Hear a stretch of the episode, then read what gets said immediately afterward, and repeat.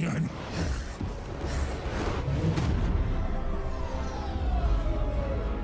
Oke, welcome guys, welcome to our channel. Kembali lagi ke Edis Call bareng lagi. Ini bersama Elina, Elina uh, from uh, Komio. Uh, nice to meet you ya. Ya, thank you buat invite-nya ya. Uh, sebenarnya pertama kali aku kayak, you know, like recording gitu. Aku udah sering ngomong, cuman uh, agak nggak terlalu mau, uh, biasanya nggak terlalu mau di-record something. Tapi sekarang aku udah mulai open karena there is like ada something yang pengen aku achieve. So nice to meet you, Iman. Ya, absolutely. Uh, ya, soalnya kita kan nggak tahu kan, apalagi di dunia Web3 ini kan uh, ada orang yang pakai apa? Uh, ya, aku nggak pengen ngejudge ya, tapi lebih ke Web3 ini kan lebih terkenal uh, uh, uh, PFP atau apa kan. Jadi mereka tuh lebih menghargai privasi orang juga sih. Makanya buat buat mungkin baru bisa tampil tuh sekarang. Don't know.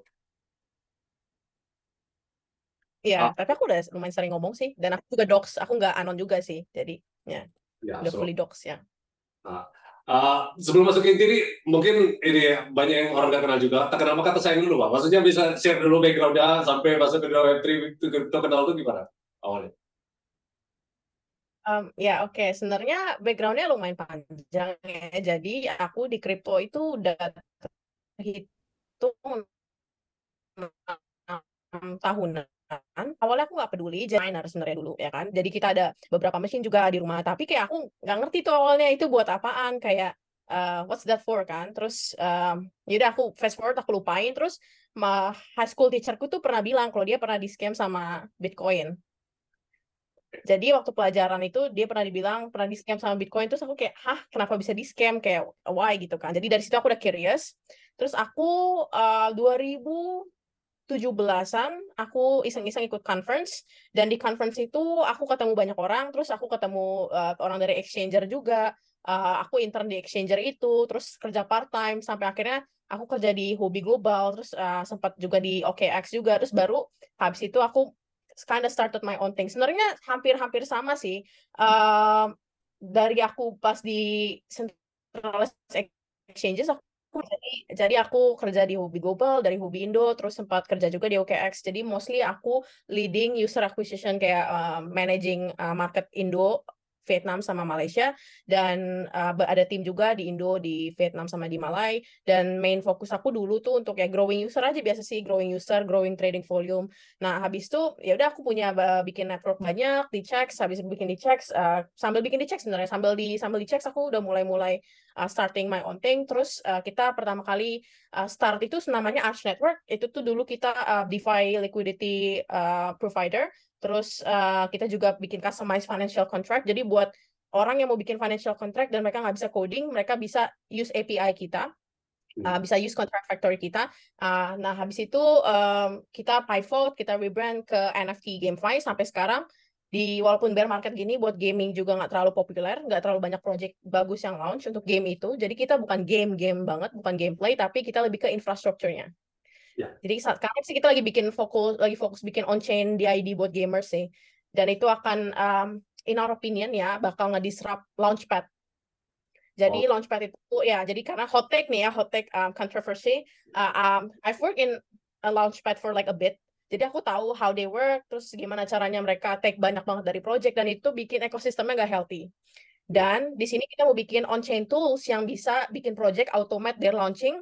Jadi mereka nggak harus rely sama Launchpad dengan uh, fee-nya mereka yang sangat gede dan akhirnya juga mengkontrol harga mereka dan akhirnya juga community juga pada supply sih paling dari itu. Iya.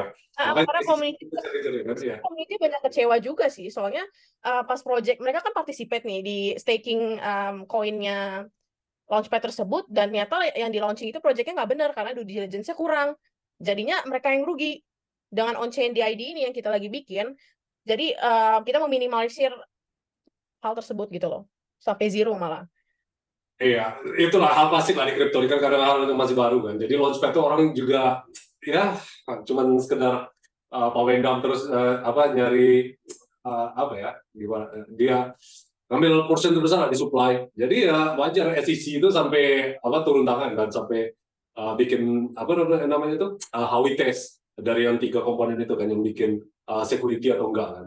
Nah, tapi terlepas dari itu GameFi uh, memang potensial kan menurut gue ya. Uh, GameFi itu waktu 2021 atau 2022 waktu Axie boom ya. ya uh, menurut aku Axie itu benar-benar pioneering opening gate-nya GameFi dan kata Yatsiu juga um, chairman-nya Animuka Brands dia bilang kalau GameFi itu sebenarnya uh, kenapa orang orang tuh mistaken GameFi itu dengan cara oh ini gamenya gak terlalu bagus, gak terlalu playable. Ya kalau kita mau compare sama triple A game kayak Fortnite, kayak yang lain-lainnya mah ya belum sampai situ dong kayak developernya dan Fortnite itu juga developernya panjang banget. Itu nggak cuma setahun dua tahun. Uh, apalagi kita harus inkorporasi sama blockchain kan. Jadi uh, dan sebenarnya standar fun gak fun itu tergantung orang. Coba ya. aja misalnya kayak uh, misalnya Iman suka main GTA kan belum tentu aku bilang GTA itu fun siapa tahu aku sukanya yang lain kan. So it's it's also subjective sama kayak GameFi. Dan ya bagusnya GameFi ini ya satu ownership pasti dong. Dan kedua uh, opening financial ecosystem di game, di game tersebut. Karena sadar gak sadar kalau di gaming tradisional ya uh, orang bilang kayak oh nggak ada financial uh, financial uh, nggak ada financial hal lah di dalam itu. Padahal ada kayak diam-diam itu company itu udah meraup 200 billion revenue dari traditional gaming dan semua uangnya diputar ke ad network, ke ads network. Di GameFi nggak ada yang kayak gitu. Saya semuanya balik balik lagi ke players, semuanya lagi intense, uh, incentivizing the players dan benar-benar uh, having um, giving like players ownership juga sih. Jadi itu masih potensial banget untuk sekarang. Cuman yeah. untuk releasing game itself untuk sekarang sih um, karena market juga ya, market juga wow. lagi lesu.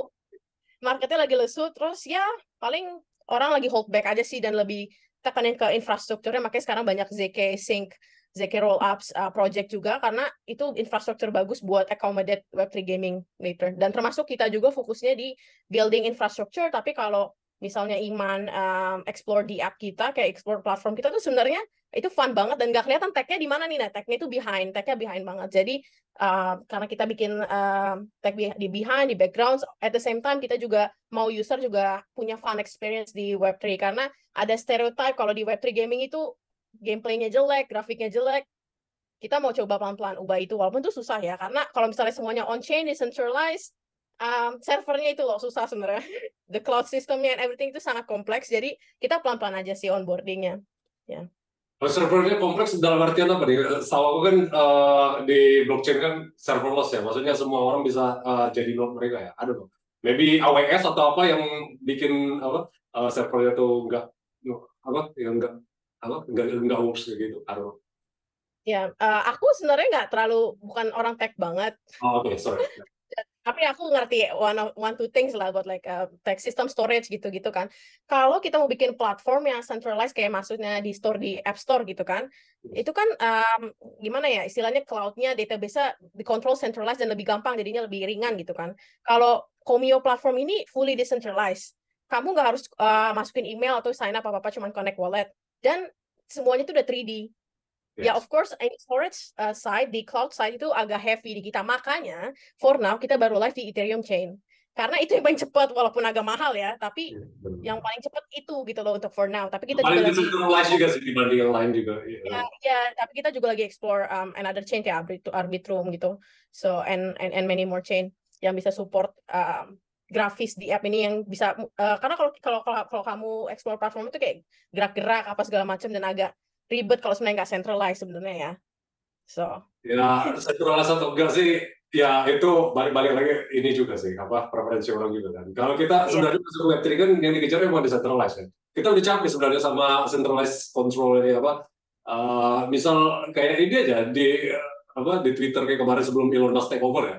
Itu kan nggak gampang disensor atau apa kan. Jadi fungsi Web3 kan kita uh, on uh, our team kan. Uh, jadi ya itulah orang masih banyak belum sadar akan hal itu cuman ya it, it takes time it takes time buat adopsi gitu kan. It takes time lama banget dan makanya kenapa aku juga decided ke gaming aku main game sedikit tapi I'm not like a really hardcore gamers tapi kayak core team aku co-founder aku benar-benar mereka udah di gaming industri juga udah 10 tahunan. Dan kenapa aku milih ini? Karena ini salah satu selain social fi ya yang sekarang Lens Protocol lagi bikin yang di ID social media um, social graph itu yang decentralized. Gaming itu juga salah satu um, sektor buat onboarding web3 banyak ya. Karena kita tahu kayak uh, 200 billion industri. Kalau pindah ke web3 kayak 10% iya. aja. Udah lumayan banget. Ya sih. Hmm. tapi ya itu apa uh, aku mungkin apa kita agak berbeda di sini. Maksudnya, uh, kan uh, aku pernah pernah lihat, lihat di Twitter uh, kayak anti maksi ya. Aku sendiri Bitcoin maksi. Jadi aku pengen? Iya ya. Huh? Uh, bahkan uh, apa? Maksi maksimalis kayak Bitcoin maksimalis. Oh iya iya maksimalis. Nah, aku kind aku of. Bitcoin maksimalis. Aku uh, ngerti maksudnya apa apa maksud uh, dari uh, game for a living, uh, terus apa GameFi dan sebagainya. Uh, cuman ya, ya itu tadi aku sendiri juga kan, it only works in bull market kan. Soalnya uh, people yeah. uh, ya uh, find a, a new way to make money itu uh, lumrah lah.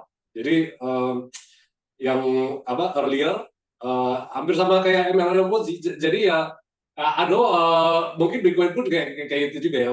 But uh, berapa itu bergantung sama market juga. Ya tadi kan udah disebutkan. Cuman lebih ke apa ya? Uh, kalau memang itu kejadian kan berarti benar-benar nunggu harus full adoption kan uh, biar ini apa sustainable kan nggak bisa apa ya itulah bagian dari teknologi kan awal-awal internet juga kayak gitu kan ada boom and bust juga kan. Ya benar sebenarnya ya konsepnya masih uh, sama lah ya. Yang penting play, yang penting long term ponzi aja lah. ya itu sih. Yang sempat juga kemarin apa aku podcast sama Mbak Vega yang teman-teman juga uh, bahas uh, INS. Uh, INS itu kan um, apa naming di Ethereum ya, uh, naming uh, Ethereum name service, uh, domain Ethereum. Uh, itu sama juga hasil ntar apa um, butuh adopsi juga. Uh, soalnya orang kan udah bisa tipping atau apa melalui Ethereum uh, name service, tapi uh, ya benar sama kayak gaming, sama kayak mungkin crypto in general butuh it takes lah. Tapi uh, I don't know, uh, bumpy road lah untuk sampai sana. I don't know. Ya, sebenarnya to be honest ya, kalau aku kan perspektif builder banget. Kalau ada kan banyak orang yang masuk kripto, dia lebih trader, atau yeah. mereka influencer, educator, emang mereka jago untuk deliver message. Tapi kalau aku tuh memang builder banget, jadi kayak tiap hari aku ya trying to create aja gitu. Jadi kalau ditanya soal um, adopsi apa segala macam, to be honest, sekarang tuh masih wild west banget, dan semua orang tuh punya kesempatan yang sama untuk experience, walaupun sebenarnya dibanding tiga tahun lalu, untuk jadi builder di Web3 ya, uh, entry barrier-nya sekarang udah lebih tinggi. Karena orang udah kapok gara-gara FTX tahun lalu, FTX, Celsius, segala macam udah kapok. Jadi mereka sekarang mau melihat yang quality project atau nggak, lu nggak dilihat. Jadi sekarang kalau misalnya aku ngomong sama, misalnya kalau di conferences ya yang luar ya, misalnya di yang di SG atau di apa, kalau kita ngomong sama investor atau apa, kalau hal ini nggak benar-benar breakthrough, mereka nggak akan peduli sebenarnya. Karena mereka udah kapok sama tahun lalu. Iya, kapok tahun. Ini uh, apa? nggak cuma tahun lalu aja sih Bitcoin dan crypto ini kan boom and cycle ya. Jadi orang tuh benar-benar cuma oportunis ya kapok pasti. Soalnya mereka nggak sesuai sama ekspektasi, dia nggak nggak ngerti apa jawaban susah-susah di bear market kayak gimana. Aku justru salah satu apa cara untuk ada bear ya kayak gini lah. Walaupun nggak ada view juga aku bodo amat. Yang jelas aku deliver message. Ntar kalau mereka apa uh, masa adoption juga kalau bisa Bitcoin 100k atau Ethereum 20k juga mereka bakal flashback juga. Akhir, kita nggak pernah tahu kan. Jadi ya itu sih aku ngerti sih di posisi builder makanya I just uh, respect uh, the way you know. so ya itu soal soal lah yang jelas aku ngerti sih uh, apa uh, posisi dari builder itu so. ya uh, jadi agak ngebingungin juga kalau di posisi builder karena karena kan sekarang banyak banget uh, short term season kayak sekarang lagi AI season semua project ganti tambah-tambah AI kan. Itu bukan pivot tapi itu lebih ngikutin tren sebenarnya kan. Kalau misalnya pivot itu memang benar-benar ke hal yang Nah, project ini mau lakuin jam uh, long term, gak cuman kalau oh short term AI nanti ada tren lain gitu kan. Cuman sedihnya ini kalau untuk ya, market crypto dari perspektif builder ya emang semua orang tuh act karena market, market investor juga uh, kalau lagi ya investor emang ngikutin yang lagi hype aja kan. Kayak dulu tuh uh, mungkin sekarang kalau misalnya aku di gaming atau di ya di gaming lah terus mau coba trying misalnya aku startup nih aku mau bikin gaming project terus aku trying to raise money mungkin sekarang susah ya benar ya sekarang susah karena teman-temanku yang baru memulai di gaming, di GameFi itu sekarang mereka bilang susah untuk raise fund. Dulu tuh gampang, so sekarang susah. Jadi sebenarnya semuanya itu memang tergantung harus timingnya yang pas kalau di di krip di crypto ini. Sebenarnya aku udah kita udah udah lose beberapa timing as a project. Dulu waktu kita awalnya DeFi, aku harusnya launching token karena bener-bener uh, lagi hype banget kan. Kayak ya why not sebenarnya kalau aku oportunis harusnya aku token cuman um, aku dulu to be honest dan co-founderku kita agak takut kalau token ini jadi under value terus ya yeah. jadi dump lah jadi kita tahan hmm. terus GameFi uh, di Game Five waktu lagi Game Five Summer itu emang uh, short span sih nggak terlalu lama Game Five Summer kita juga nggak terlalu nggak uh, nggak ada rencana untuk ngelakuin itu cuman hopefully hopefully kalau end of this year atau next year udah bagus banget marketnya kita akan coba soalnya kita udah lost to opportunity dan emang pentingnya jadi builder juga emang harus lihat opportunity yang pas tapi kan kita learn by mistake ya so ya yeah. Ya itu lah tadi yang aku jelasin apa uh, Vampiro tadi. Jadi kita nggak bisa expect apa apa ya, cuman ya keep building lah. Maksudnya kita tahu kan siklusnya itu boom and bust kan. Jadi ya Uh, mungkin orang yang baru masuk tahun ini dua tahun lagi udah dianggap OG padahal OG kan 2013 2012 kan. Kita nggak tahu. Jadi uh, keep aja. Um, soalnya ya benar ya Pak bilang tadi uh, untuk masalah respon ya. Uh, karena emang ekonomi global juga lagi apa uh, the Fed naikin interest rate ya. Jadi uh, money itu nggak murah lagi nggak cheap lagi. Jadi uh, bunganya naik kan masuk bunga naik. Jadi uh, mau ngebalikin uh, pinjaman bunga juga uh, lebih tinggi. Jadi uh, wajar uh, visi-visi itu uh, belum berani take risk di sini soalnya kita nggak tahu bakal naik seberapa tinggi untuk uh, the Fed to apa uh, combat inflation di US. Uh, I don't know. Jadi ya uh, itu ini juga sih apa jadi indikator yang membuat uh, uh, trickle down effects lah. Maksudnya uh, dari atas sampai ke bawah itu bakal kena juga sih dari makro tadi perspektif. So Betul, soal makro tersebut. Kalau misalnya mungkin bisa saran, kalau misalnya emang mau raise fund sekarang dan harus banget raise fund sekarang, mungkin lebih ke uh, prioritasin yang Asia kali ya. Karena kan uh, mungkin Iman juga lihat kemarin China baru rilis white, white paper Web3. Padahal sebelumnya kan ada narasi di band dan banyak banget fund yang udah raise juga. Mungkin ke Asia sekarang untuk raise fund lebih stabil dibandingkan ke West. Dan menurut aku juga ya mungkin Asia bakal tetap lead cycle-nya crypto sih the next two cycle. Dan ya mungkin builder kalau mau raise fund mungkin lebih ke Asia aja dulu karena mungkin um, still lebih stabil lah daripada US economy. Dan kalau ya jadi visi-visi US juga masih pada takut. So mendingan lebih ke Asia, ke Southeast Asia atau ke Jepang atau Korea. Pokoknya Asia lah. Ya benar. Soalnya di US juga masih ya masalah FTX bar dan Marut terus juga Gary Gensler yang jadi ketua SEC kan uh, sempat apa di Twitter trending apa uh, impeach uh, Gary Gensler lah apa kayak gimana. Jadi uh, masih belum regularity criteria cuman ya kita akui sebenarnya di US masalah um, capital ya mereka lebih lebih banyak ketimbang ini yang lain. Cuman ya aku setuju juga sama Pak Bintang tadi. Uh, Cina juga jadi nggak bisa di ini kan apa dianggap remeh kan. Jadi uh, poros baru di kripto. Soalnya kan dari ideologi Cina sendiri kan uh, sosialis ya, komunis. Tapi di sisi lain dia mengimplement decentralized, demokrat. Jadi itu uh, menurut gimana? Apa, apa dua hal yang berbeda kan? Jadi mereka tuh maksudnya apa di situ? Ada dong, maybe ada kucing dalam karung, apa dalam selimut, ada dong. Um, Oke, okay. sebenarnya itu analisis saja, itu saja ya, itu just for fun, ya. Hipotesis saja ya, NFA. Ya, you can elaborate sebenarnya the last two years waktu China emang ada narasi uh, crypto itu di ban, developer gak boleh build kan ada tuh narasi seperti itu.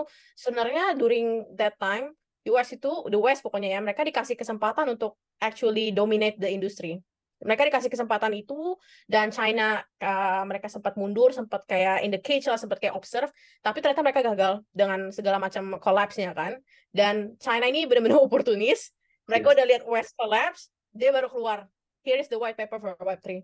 Tapi aku udah ngeliat itu sebenarnya udah dari setahun dua tahun lalu kayak China nggak mungkin completely uh, ban crypto karena um, tadi kan aku juga sempat jelasin kalau pas 2000 pas aku pertama kali ikut conference itu tuh 2018 atau 2017 itu tuh mostly mining sama IoT IoT project dan um, aku ingat banget tuh sempat ada di Jakarta bahwa conference di um, di Pacific Place itu sepuluh ribu pengunjung Cina. sepuluh ribu itu semua China China project. Jadi mereka mereka the OG one sebenarnya di industri ini sebenarnya ya most of them ya. Kayak dan uh, crowdnya itu tuh beda banget. Kalau sekarang mungkin di conference banyak lihat Gen Z, milenial, dulu tuh kayak benar-benar boomer, benar-benar ibu-ibu, bapak-bapak yang ke conference tersebut. Jadi maksud aku um, ya tetap mereka akan leading the next two cycle dan kalau tentang ideologinya kayak kan mereka sosialis kenapa mereka pro desentralisasi Uh, jujur untuk sekarang aku nggak tahu, to be honest, aku nggak tahu. Nggak tahu lah, makanya aku bilang just for fun. Nggak ada yang tahu, nggak ada tapi yang jelas, uh, yang jelas mungkin China sih mereka cari um, mereka oportunis ya, karena mereka udah kasih kesempatan. Oke, okay, West bisa nggak dominate crypto, ternyata nggak, collapse, ekonomi hancur. Asia mungkin masih lebih stabil, Infl inflation rate kita juga masih terkontrol. Yes. Udah mereka langsung keluarin white paper Web3 sekarang. Dan yes. banyak banget fund udah raise dan Ya, so ya aku nggak tahu motif uh, ulterior motifnya apa. Ya kita nggak tahu lah ya. Paling ya yang cuma bisa kanalisis itu ya konspirasi atau gimana kan. Cuman uh, aku uh, terlepas dari itu, uh, ya itu sih menarik juga sih China bisa masuk. Soalnya um, berapa tahun sebelumnya juga mereka kan nge-ban mining di sana kan. Jadi para mining tuh miner tuh pindah ke US semua. Jadi uh, ya itulah dari konsep China juga ya itu mungkin salah satu alasan ya. Maksudnya uh, mereka tahu free market always win. Maksudnya uh, kalau sosialis apa pun masih tetap ada Starbucks kan di uh, Cina kan. Jadi mereka tuh uh, ngeband tuh biar mereka yang kontrol maksudnya. Uh, mungkin dari sisi apa ya? Uh, misal kita di uh, di Cina kan banyak uh, perusahaan uh, apa uh, kayak misal uh, Alibaba lah contohnya.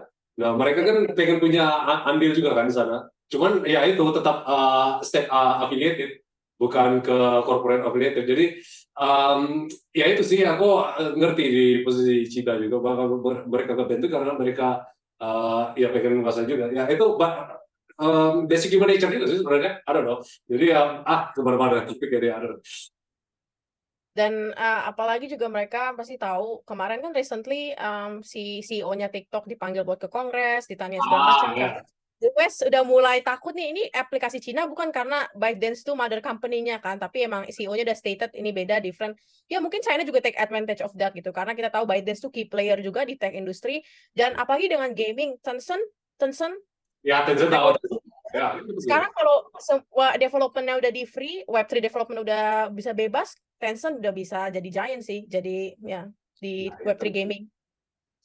Ya itu sih. Uh, banyak ya potensial juga ya buat buat buat Cina ya. Um, gue pernah uh, dengar podcast ya bukan podcast sih. Uh, uh, uh, tulisannya dari Ray Dalio kak, yang apa Changing World Orders. Jadi Cina tuh ya uh, bakal jadi leading the way uh, dari Amerika Serikat. Ya cuman itu apa butuh uh, cycle berubah tuh butuh berapa berapa puluh tahun dan Cina ini udah ngebangun udah udah dari lama kan. Jadi ya itu surprise kalau beneran itu terjadi ya. Uh, kalau Web3 dikuasai Cina ya. Tapi di sisi lain juga um, US uh, masih perannya masih sangat ya, gimana ya bilangnya? Signifikan juga enggak tapi lebih ke apa uh, vulnerable lah. Uh, kalau masalah kripto soalnya dari um, ini juga apa aturannya juga um, mereka kan masih itu yang bikin apa uh, kapital itu masih kurang enggak enggak terlalu jelas di uh, security sisi mereka di sana. So Ya, mungkin kalau key playernya US karena mereka banyak banget innovatornya juga di sana. Gak, bukan aku bilang kalau China, Asia juga nggak ada, cuman mereka lebih ke key innovator globally. Kalau mungkin Asia itu lebih ke retailnya ya, karena last last cycle juga Asia yang earning lebih banyak dibandingkan the West. Hmm. Makanya ada jokes banget kalau di crypto Twitter kayak uh, kayak kalau misalnya ada koin terus uh, China misalnya belum bangun gitu di Asia ya kayak let's wait until China wakes up something yeah, like that yeah, yeah. kayak orang baik kayak yeah. when Chinese bidding itu lucu banget sih. Ya, so. ya benar sih banyak banyak dari China ya. Maksudnya uh, mungkin ya walaupun kripto ini anonymous ya, uh, bukan anonymous tapi lebih ke pseudonymous. Kita sebenarnya bisa track itu melalui forensik kan itu siapa itu siapa. Cuman uh, secara uh, eksplisit kita nggak tahu itu wallet address punya siapa kan, kecuali dengan forensik tadi. Jadi ya itu apa uh, uh, benar sih kalau beneran Wales itu dikuasai oleh banyak Wales China sih. Soalnya ya itu makanya uh, si si Z juga kan uh, dapat fakta aku ngerti fakta atau enggak ya fakta atau enggak. Kemarin podcastnya Bangladesh kan mereka, uh, mereka ini kan uh, saling ini lah apa uh, dicecar kan di kan bagian uh, telling the truth kan. Jadi itulah poin the podcast kan. Jadi uh, let's see lah beneran Biden is the next FTX uh, atau enggak? But is your opinion Biden is the next FTX or yeah. So ya yeah, FTX itu ya yeah, was brutal. Tapi uh, untuk untuk konklusi dari apa yang terjadi itu sebenarnya emang udah full sih salahnya si SBF kan. Cuman apakah ada hal-hal yang memicu? Apakah ada ada ada kompetitor lain yang memicu? Bisa jadi. Ya, uh, maksudnya timingnya waktu itu ya kalau kalau opinion aku sebagai retail, timingnya CZ waktu ngejual FTT itu aneh banget. Timingnya aneh banget. Kayak it seems like ada ulterior motif cuman aku nggak tahu ya. Uh, biasa lah kompetisi. Um, kamu dia jadi early investornya FTX terus FTX tiba-tiba tiba-tiba growing banget di US di mana-mana FTX well as a as a business business perspective kita nggak mau dong ada yang se powerful itu Ya, sisi itu ya itu sih maksudnya aku nggak ngerti ya. ya sebenarnya, cuman kalau dari perspektif aku baca teori konspirasi orang sih ya itu apa sisi kan nggak cuma FTX mereka tuh punya stake kan. Di mana-mana banyak company. Ya tujuannya kalau mereka gede atau macam-macam ya bisa. Sama kayak Cina juga ujungnya dia dia punya apa utang di mana-mana orang. Kalau misalnya ini kan bisa apa diliquidate atau ya itu uh, soal-soal lain. Jelas yang aku pikirin di sini uh, kalau misalnya benar-benar FTX apa Binance dari FTX, waduh mungkin Bitcoin balik lagi ke tiga ribu atau bakal orang susah percaya lagi kan maksudnya the biggest exchange aja kayak gitu gimana bangun ke depan kan so ya yeah.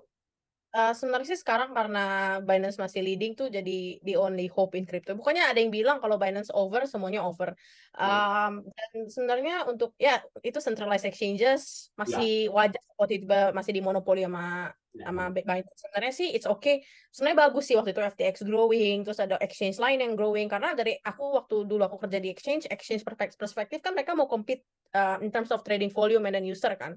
Dan um, kalau masih ada satu monopoli itu kayaknya itu kripto belum masuk ke goalnya sih untuk jadi kayak decentralization masih jauh banget jauh banget karena kalau masih ada satu exchange yang cuma monopoli yang the strongest gitu loh but I don't know let's see uh, how the market goes ya yeah. ya tapi itu sih apa basic human nature juga sih uh, uh, centralization itu bisa terjadi soalnya kita tuh we cannot love ourselves maksudnya kita nggak bisa percaya sama diri kita kan kita uh, punya tendensi untuk ngeblame orang kan Makanya politisi itu dihujat karena ya itu mereka uh, punya tendensi kalau salah kan bisa diblame sebelahnya kan oposisinya kayak gitu. Jadi ya nggak bisa dihindari yang namanya centralized itu jadi um, fully, uh, fully centralized ya, fully decentralized ya. Uh, itu agak susah. Cuman kalau decentralized misal ada DEX atau apa bisa jadi ini ya mungkin ya nunggu ya amin amin lah kalau jadi nunggu si Binance itu kapal karam. Aduh loh. Jadi ya susah juga sih kalau dibayangkan itu soalnya um, ya kayak Bang Gok saja dulu tahun 2013 kan uh, terbesar juga dia dulu jauh sebelum Binance ada too big to fail nyatanya fail juga gagal juga jadi ya kita nggak pernah bisa apa um, ada sebelah mata kan jadi ya itulah soal soal soal I don't know. Ba pokoknya balance sheet mereka ya speaks the loudest lah. Kita nggak tahu. Ya benar. Banyak tapi ya eh, transparansi transparan ya. Cuman apa um, kita kan kita tahu yang sering keluar pelan-pelan tuh siapa kan. Ini kan eh, makin hari makin withdraw information terus kan so. Ini ya kompleks world lah pokoknya di crypto ini. Ya, ada bilang bagus lah kalau misalnya ditarik uh, retail mau beli jadi harga naik kayak gitu kan. Tapi tetap aja apa geri soalnya cuma satu exchange yang keluar itu Binance bukan exchange lain. Kalau exchange lain juga mungkin uh, wajar lah. Cuman kalau ini ya ada lah aku sering dituduh ngefat juga. Nah, kalau bicara fakta kan kita nggak bisa bedain fakta dan fakta jadi kan. Padahal kita nggak tahu benar-benar terjadi atau enggak kan so Iya, pokoknya sih kan not your not your keys, not your crypto. And then kayak ya kalau di crypto ini ya don't trust anyone lah. Trust the code dan trust the blockchain aja. So walaupun misalnya ada satu checks yang monopoli yang benar-benar oh they're the trusted, oke okay, boleh uh, mungkin in terms of liquidity side lebih bagus and the best kalau kita retail mau trade or something tapi uh, kalau percaya 100% enggak, jangan sih kayak in my opinion ya saran aku jangan ya jadi kayak gitu ya guys. Uh, masalah ya centralization yang makin lama makin uh, gak diminati ya. Uh, menurut sendiri bagi orang yang masih ya ini kan preferensi orang ya masih uh, ya aku bilang tadi masih tendensi ke centralized soalnya kita selama hidup uh, selalu di centralized uh, way. Uh, kalau decentralized sendiri untuk bikin orang migrasi itu ya selain edukasi baru apa? Atau apa kasih apa kalau misal Bitcoin ini kan apa giveaway sets kan sets itu uh, small fraction of Bitcoin kan jadi uh, hmm. orang harus uh, download dulu punya sets kan soalnya di exchange itu nggak ada sets kan uh, hmm. tidak ada cuman nggak se uh, small fraction kan nah ada tuh for perspective uh, to uh, to uh, to make mass adoption lah uh, dalam in terms of uh, decentralized exchange kayak gitu.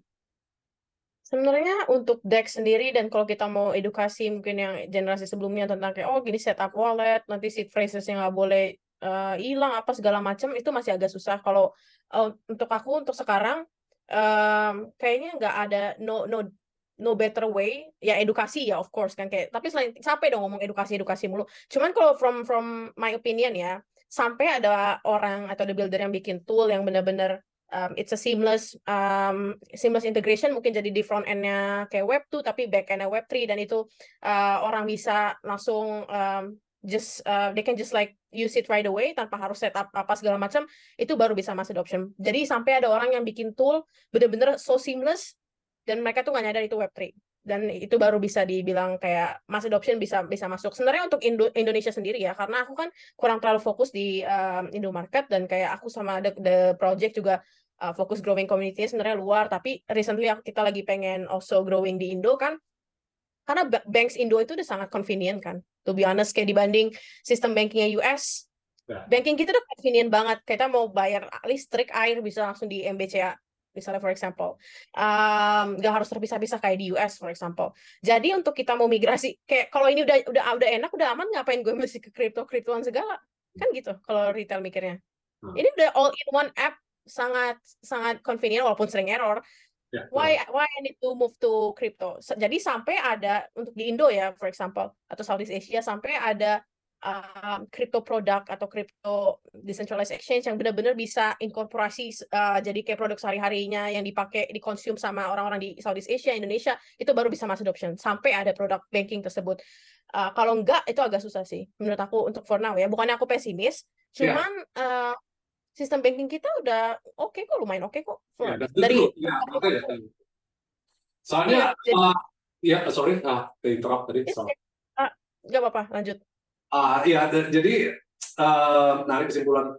Uh, jadi ya benar sih, apa uh, convenient di Indonesia ini mungkin lebih ini ya, lebih tinggi value-nya ketimbang privacy ya. jadi mereka lebih uh, asal nyaman atau data-data ini gak, gak apa ya masalah centralized tadi uh, asal itu nyaman mereka pasti tetap pakai. Um, sampai kalau misal uh, jadi amin-amin kejadian kayak Lebanon uh, kayak Sri Lanka yang apa negaranya background ya itu mungkin orang berburu-buru ke kripto. Cuman kalau nggak ada kejadian apa yang one event kayak gitu, uh, it's impossible ya. For now ya, maksudnya for the next five years lah. Uh, apalagi dengan adanya Kris, belum lagi adanya CBDC, orang jadi lebih gampang lagi uh, bakal eliminate cash, uh, cash kan bakal jadi ya. I don't know, jadi uh, mereka uh, bakal ikut uh, sistem unquote the matrix susah untuk mereka keluar dari the matrix jadi Uh, itu sih benar sih yang uh, bilang tadi. Uh, bukan berarti ini pesimis, bukan berarti it's not a potential.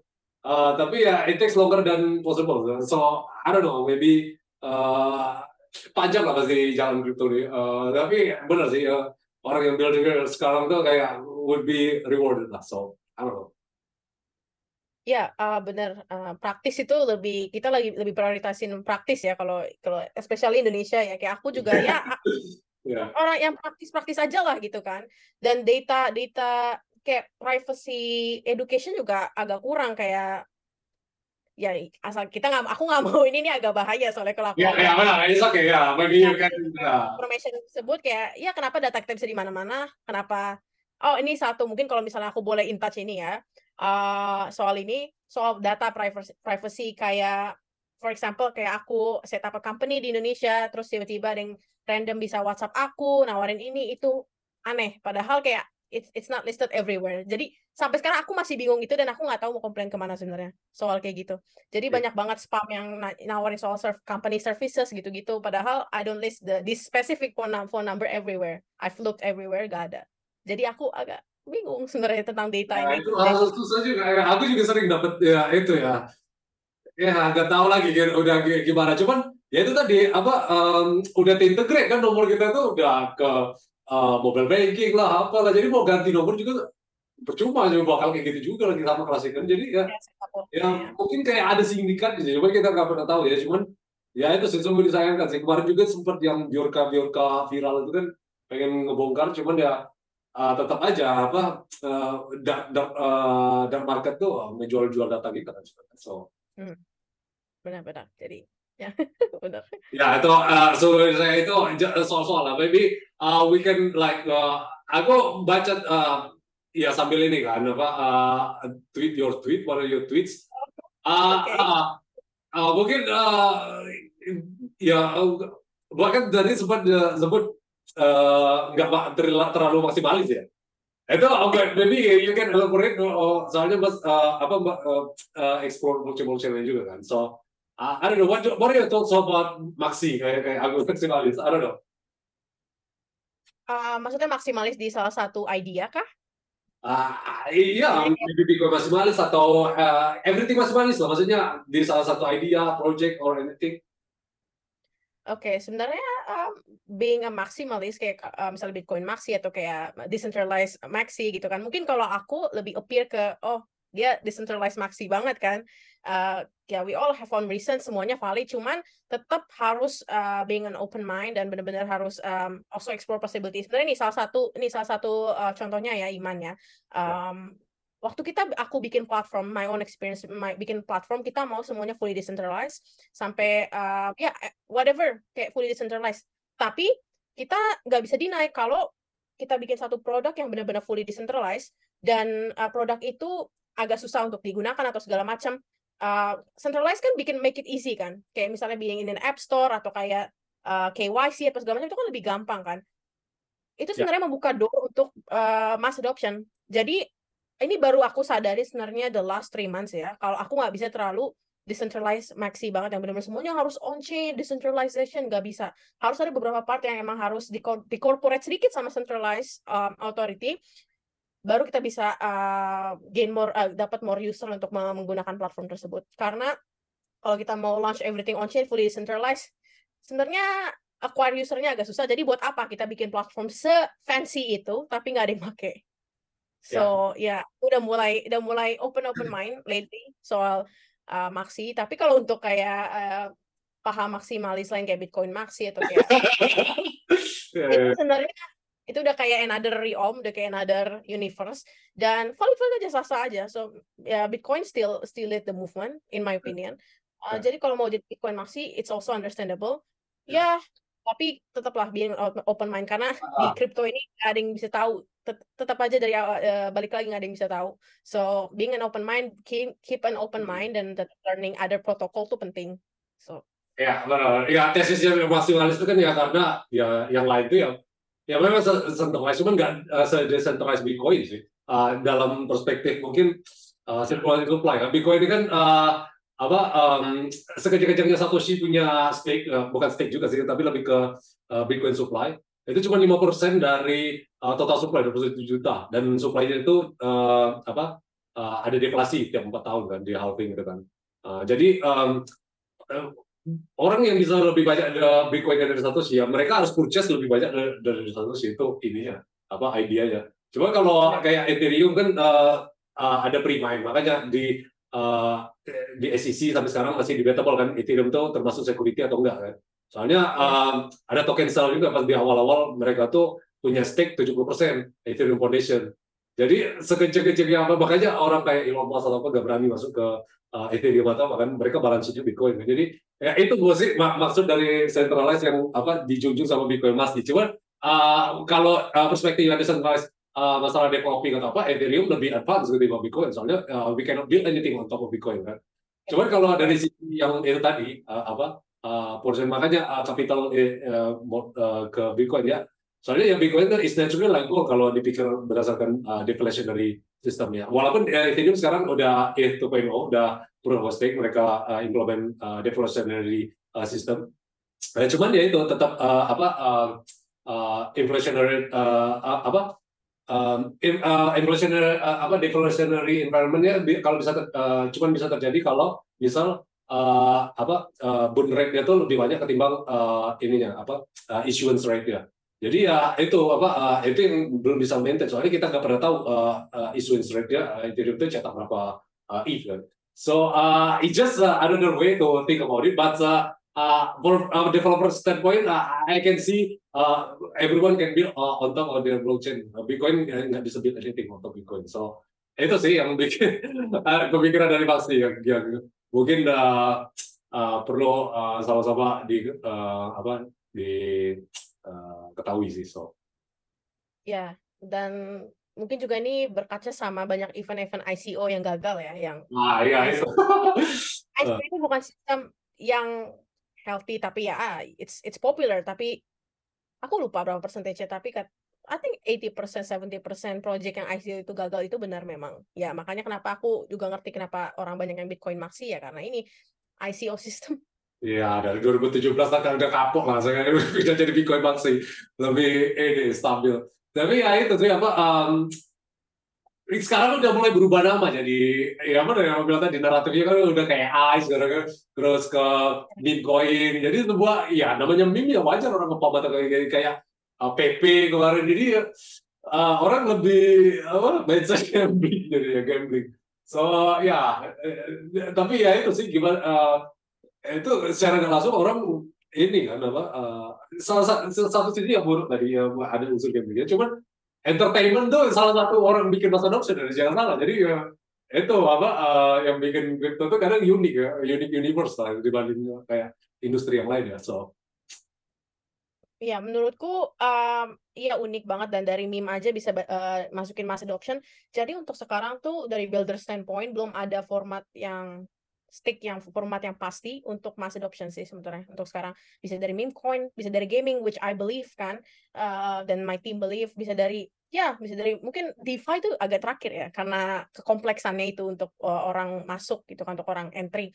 Cuman dari meme itu ya waktu Elon itu pom pom Dogecoin kan hmm. eh mungkin followers yang lain nggak tahu what is that kenapa ada uh, anjing pegang koin atau segala macam kan and then mereka explore Doge and then ya yeah, to the moon they said kan yeah. so masih banyak banget form belum ada format pasti sebenarnya iman kalau mau mass adoption sih sebenarnya yeah. semua orang masih kayak cuma coba-coba aja yang mana yang bisa yeah, yang mana enggak kita mm. we, we are still cracking the code gitu loh belum belum ada format yang pas banget untuk bawa okay. uh, ya gitu tapi ya itu sih ya Pak aku selalu lah sama Harry Staker juga ya itu tadi satu, satu sisi ya itu ya, ya namanya ini nggak dia tahu ya. Jadi ya kalau kalau apa uh, kalau gagal ya bisa jatuh miskin. Cuman kalau sukses bisa jadi sultan.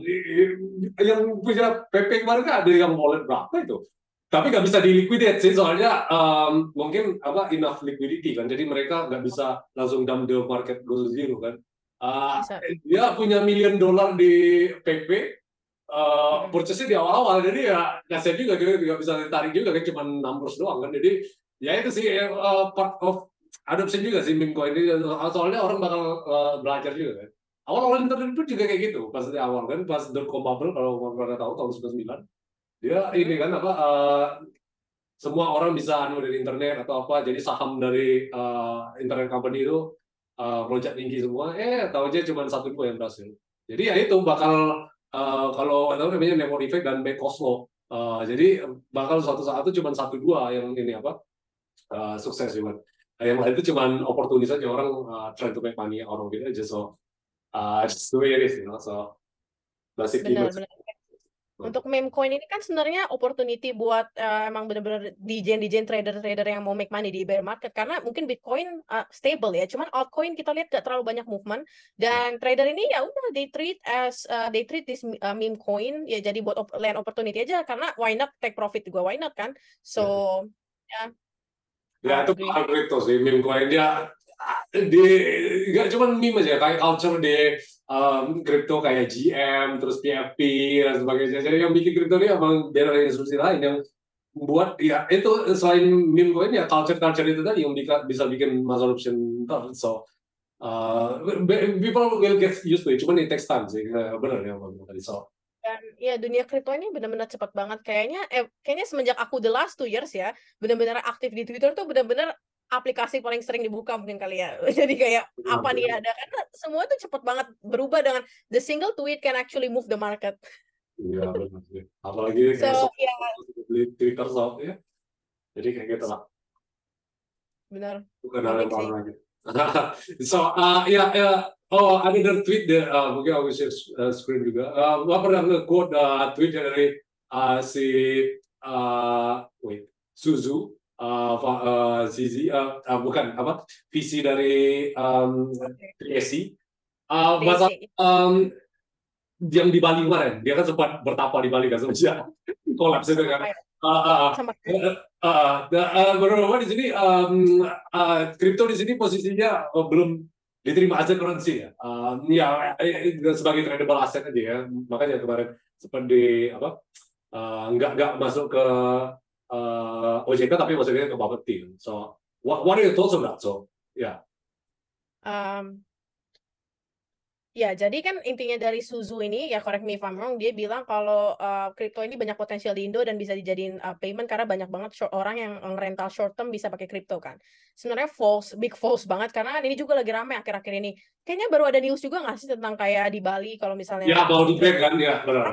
Jadi ya. ini lagi sensitif lagi sensitif time tapi it's okay. Dia salah banget. Uh, in my opinion dia salah karena uh, sebenarnya sebenarnya kan regulasinya kripto ini nggak bisa dijadikan payment secara langsung. Which means kalau misalnya aku, for example, aku mau rental villa ini satu tahun dan orang ini mau eh, aku mau kirim orang ini Ethereum boleh, tapi kan at the end of the day aku harus convert ke IDR dulu, baru bayarnya pakai IDR gitu kan? Initial paymentnya mungkin boleh kripto, tapi untuk uh, the final final currency tetap rupiah. So Suzu salah banget, Suzu salah banget kayak aku juga nggak tahu kenapa dia nge-tweet kayak gitu. Cuma Suzu being Suzu ya, dia agak Suzu being Suzu lah. ya mungkin dia kan sempat di, di Bali lagi nggak kan habis collapse itu. Ya, so.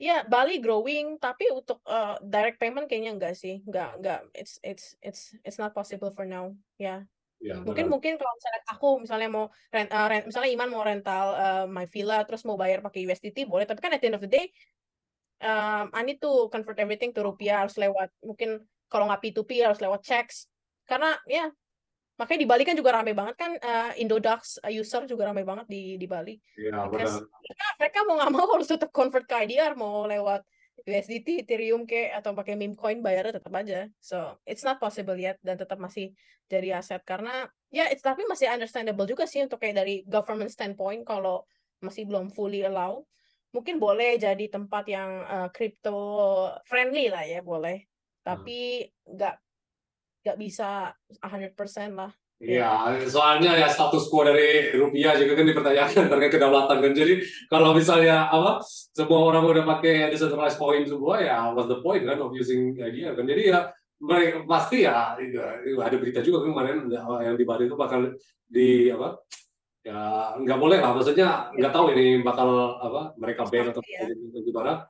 Soalnya um, susah juga untuk nge-ban sesuatu yang uh, Indonesia kan juga udah termasuk banyak yang apa uh, menerima income uh, tax dari kripto uh, kan. Jadi ya apa uh, mereka tuh terexcited juga untuk eh, ini apa. Makanya ini double edged sword lah. Kalau mereka uh, pengen ngeban, otomatis mereka nggak nggak bisa terima pajak. Kalau mereka terima pajak, uh, mereka secara nggak langsung otomatis menerima kripto kan. Jadi itu kan jadi suatu hal yang uh, apa uh, bikin dilematis juga dari sisi pemerintah di sini. Um, kalau untuk ngeband sih udah udah agak susah sih, udah setengah jalan soalnya kripto ini.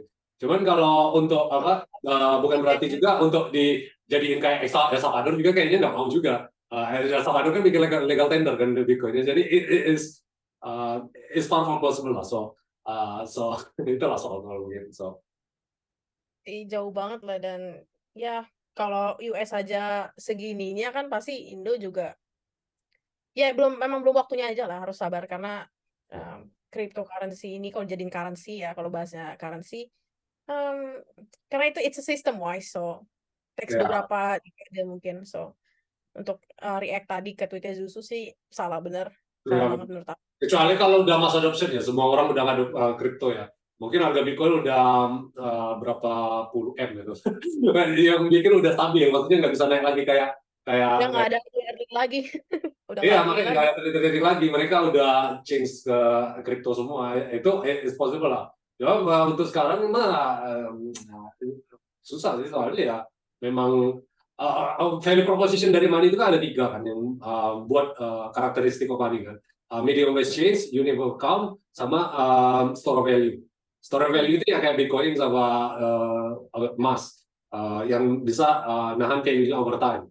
Nah, yang Mbak sebut tadi ya itu, maksudnya uh, mungkin kripto untuk zaman sekarang bisa jadi stock value lah, karena mungkin negaranya kalau misal kayak Lebanon, uh, Zimbabwe atau Sri Lanka yang uh, worthless, itu bisa lah pakai kripto untuk store value.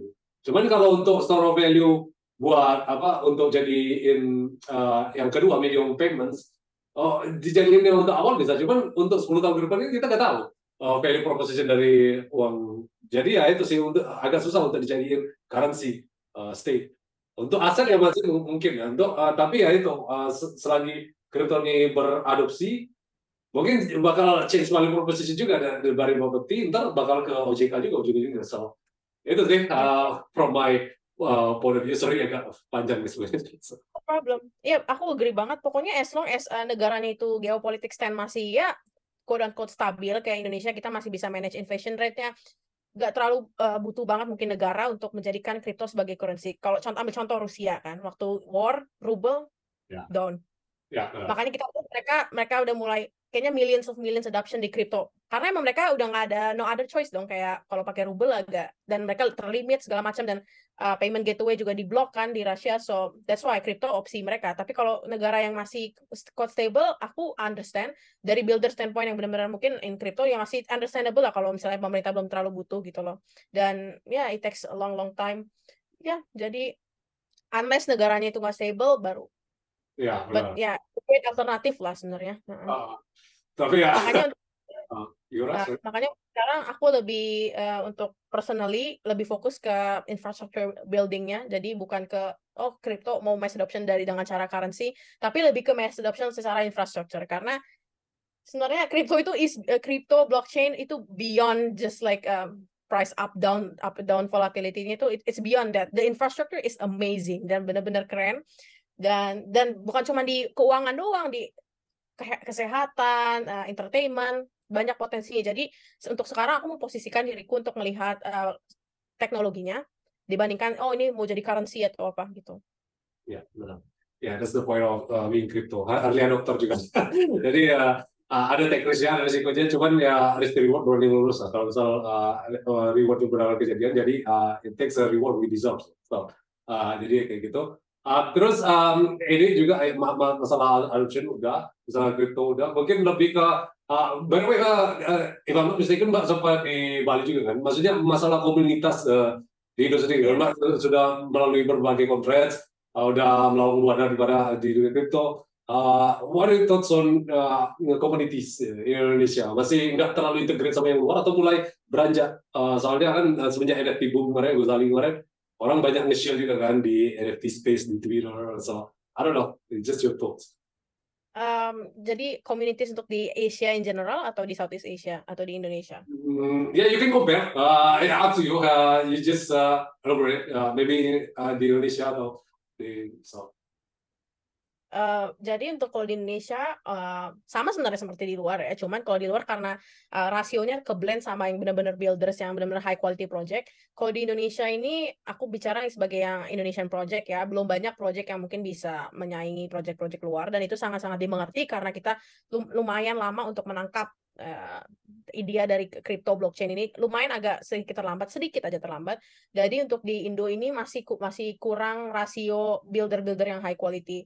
Uh, banyak project-project yang tahun lalu itu di launch dari sama artis-artis, jadi token-token aneh gitu kan, yang gak jelas utilitasnya apa. Terus infrastructure buildingnya juga belum ada yang yang memadai gitu kan. Kalau di luar banyak banget yang bikin uh, layer one, layer two. Kalau di Indo kayaknya ada, cuman nggak se-advance di luar itu dari untuk Indo kalau misalnya tapi sekarang udah much better kok udah mulai orang udah mulai ngerti uh, untuk pay project apa yang harus di pay attention yang what kind of project what kind of due diligence uh, partner-partner uh, mana yang harus bisa harus di um, harus cooperate with gitu loh. Kalau di Asia Southeast Asia udah udah nggak bisa dipertanyakan. Mungkin bisa jadi salah satu giant crypto juga uh, moving forward. Especially kayak di Vietnam ya. Karena builders kalau kita build, bicara builders di Vietnam, they build a lot of uh, great games waktu tahun lalu uh, banyak banget build high quality builder. Itu aku sempat bicara sama CEO-nya Titan Arena, itu salah satu MOBA game terkenal di Play to Earn tahun lalu. Dia sempat rank um, 5 dengan um, TVL kalau salah total value lock-nya mereka hmm. rank ke-5 atau rank ke-4 dan itu Vietnam project dan um, emang mereka really really a good builders kalau di Vietnam dan Southeast Asia lainnya juga bisa tetap um, maju ya. Kayak Singapura kita banyak fund-fund terkenal. Singapura juga sebenarnya senternya um, crypto Southeast Asia uh, fundnya build buildersnya juga uh, investor apa segala macam. Tapi kalau untuk Indonesia I would say belum belum nomor dua atau tiga malah. Demon kita masih agak belakang. Even compare ke Philippines ya masih Philippines masih sedikit advance. Jadi uh, dengan orang sebanyak ini di Indonesia seharusnya um, the next 10 years kita bisa do better, bisa bikin bikin innovate something yang benar-benar uh, breakthrough yang benar-benar useful buat the ecosystem and for the industry. Sebenarnya kan uh, mungkin crypto ini orang masih banyak skeptical dan mungkin coba put crypto aside as a currency atau aset ya fokus di uh, for example uh, building aja di layer one, layer two atau kayak di gaming atau di NFT. Uh, mungkin masih banyak yang takut ya, Iman kalau kalau di Indonesia mungkin kalau oh, gue mau bikin startup nih, gue mau raise fund. Apa startup lu? Blockchain, crypto, web3. Orang pasti takut. Ya, di Indonesia jadi aku masih wajar kalau masih banyak yang takut, cuman uh, I would say it's okay as long as kamu melakukan itu dengan uh, regulated dan um, legal dan tim kamu juga docs bukan kayak semuanya anonim gitu kan iya. it's it's okay to try dan uh, kalau misalnya memang punya idea yang bagus untuk oh this, this is gonna be useful for the industry atau ada banyak problem yang bisa kamu solve ya coba aja bikin gak usah takut gak usah takut karena kata-kata kripto ini gitu loh karena kan kita bisa bilang oh we're building in the blockchain dan blockchain itu kan luas gak cuma kripto so ya yeah. untuk Indonesia masih needs to do better. Indonesia is like Indonesianya ya, bukan yang uh, campur sama yang luar. Cuman kalau di Bali itself udah mulai campur banget sih. Banyak high quality builder juga kok di Bali.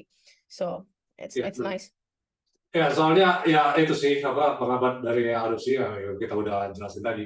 Uh, tapi uh, lebih ya, benar yang bilang tadi uh, uh, kayak di setahu aku Ibarat biasanya ya Korea Wrong uh, uh, activity from Vietnam or Thailand lupa pokoknya di antara dua itu kan. So It's not um, founder, foundernya mereka ada yang Filipino sih foundernya. Si Jiho itu kalau nggak salah dia Filipin kayaknya. Ah. makanya dia gede banget di Philippines kan aksi untuk play to earn itu. Iya benar sama apa um, kalau Singapura sih nggak usah dipertanyakan ya. Maksudnya uh, susu ini dari Singapura ya itu uh, uh, uh, kemarin kan uh, apa uh, harusnya datang di token 2049 tahu kan yang conference itu dia di Singapura? Iya iya tahun lalu ya. Uh, tapi dia nggak semenjak itu nggak banyak yang itu juga di Singapura siapa? Uh, Dokwon sebelum dia akhirnya ditangkap kan.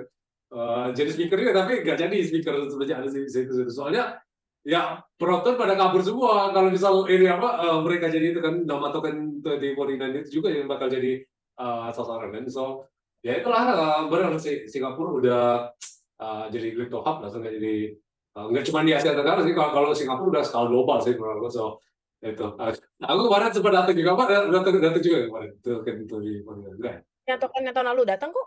Yang oh. 2022 ya? Eh? oh iya. Mungkin yang pas F1 kan sebelumnya apa iya kan? Uh, iya iya ini bakal sama lagi nih tapi kali kali ini gak, gak, gak datang aku So ya kalau bakal datang ya sukses lah buat ya eventnya. Bakal jadi speaker di sana or know? Ah, kayaknya untuk sekarang belum ya karena uh, you know their speaker list is amazing. Tapi uh, I do have I do have a plan untuk bikin ada. Jadi kan token 249 mereka banyak side eventsnya juga kan. Dan um, I would say kalau conference memang benar-benar untuk listan dan untuk network juga. Tapi untuk in depth networking itu side events bagus banget dan banyak banget juga attendees dari token 2049 tapi kita lagi ngomongin soal uh, coordinating um, game five side events sih later di token 249 di Singapura yeah. juga nggak tahu bakal bareng F1 lagi atau enggak. Cuma dia itu apa uh, let's see lah kalau misalnya ini aku lapor for conference. Uh, I think um, already one hour, uh, so um, I need to wrap this up. Uh, sebelum aku tutup nih, um, uh, just uh, uh, your opinion, maksudnya just for fun, financial advice.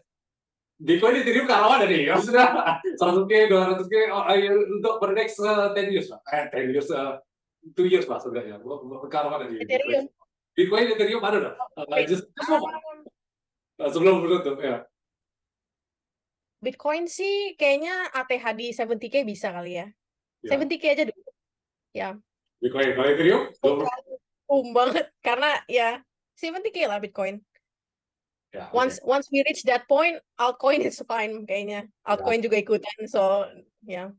Let's hope. Karena, karena kan mau halving juga dong. 2024 ya.